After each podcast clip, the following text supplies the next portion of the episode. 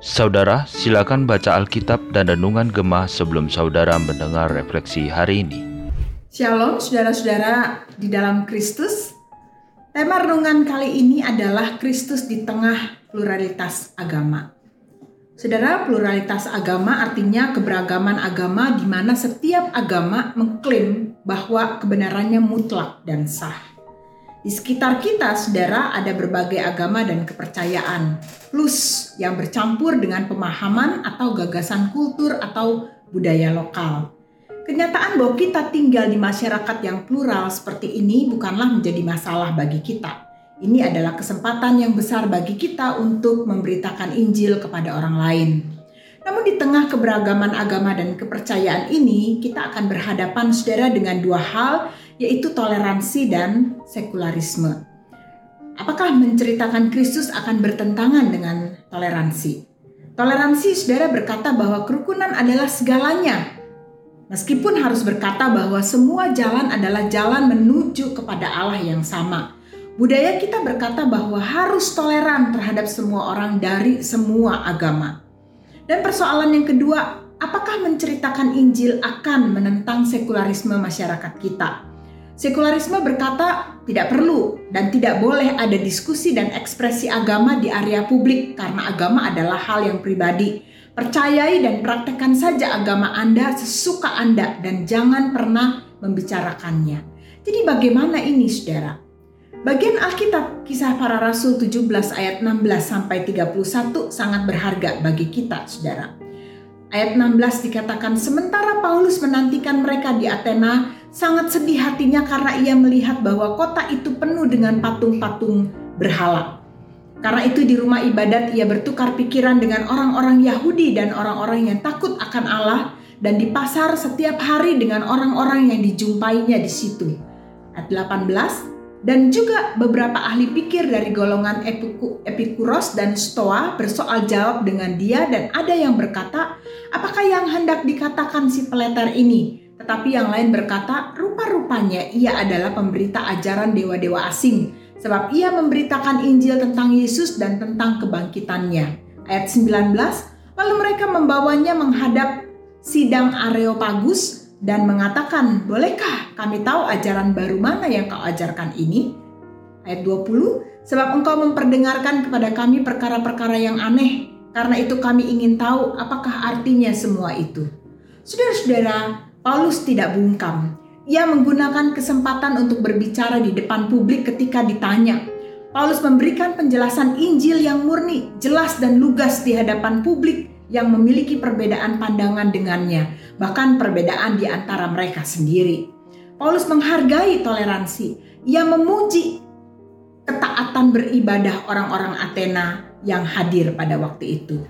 Paulus menghargai orang di dalam ayat 22 dan 23, Paulus pergi berdiri di atas Areopagus dan berkata, Hai orang-orang Athena, aku lihat bahwa dalam segala hal kamu sangat beribadah kepada dewa-dewa.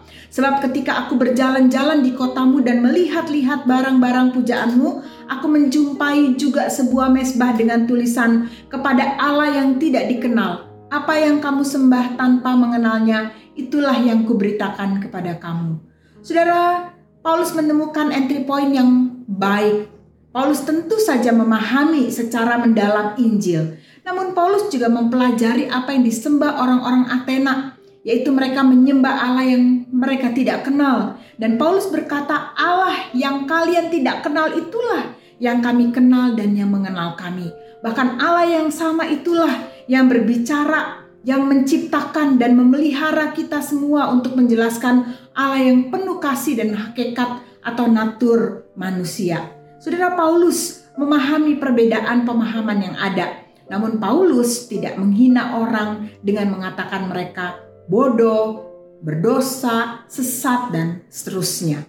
Saudara di dalam ayat 28 dan 29 dikatakan sebab di dalam dia kita hidup, kita bergerak, kita ada seperti yang telah juga dikatakan oleh pujangga-pujanggamu, sebab kita ini dari keturunan Allah juga. Paulus saudara mengutip apa yang mereka ketahui, apa yang mereka percayai. ayat 29 karena kita berasal dari keturunan Allah, kita tidak boleh berpikir bahwa keadaan ilahi sama seperti emas atau perak atau batu, ciptaan kesenian dan keahlian manusia. Saudara Paulus memiliki satu sikap menarik lainnya, yaitu waktu Paulus ditolak dan dihina.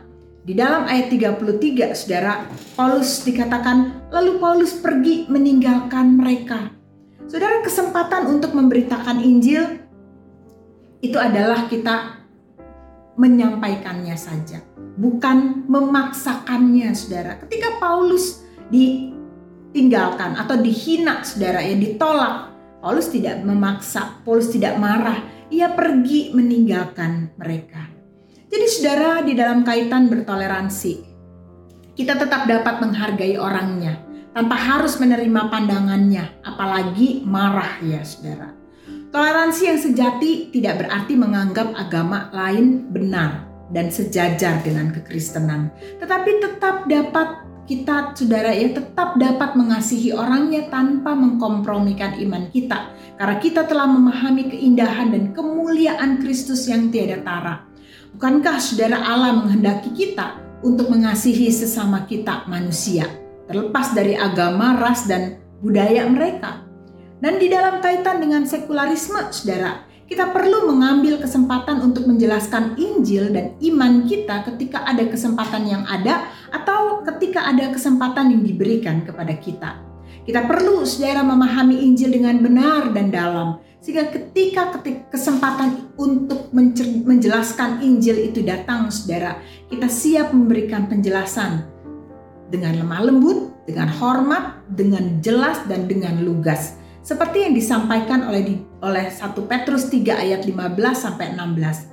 Tetapi kuduskanlah Kristus di dalam hatimu sebagai Tuhan dan siap sedialah pada segala waktu untuk memberi pertanggungan jawab kepada tiap-tiap orang yang meminta pertanggungan jawab dari kamu tentang pengharapan yang ada padamu. Tetapi haruslah dengan lemah lembut dan hormat. Ayat 16 dan dengan hati nurani yang murni supaya mereka yang memfitnah kamu karena hidupmu yang saleh dalam Kristus menjadi malu karena fitnahan mereka itu.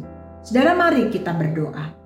Tuhan kami mengucapkan syukur Tuhan kalau Engkau memanggil kami di tengah-tengah orang-orang yang tidak percaya.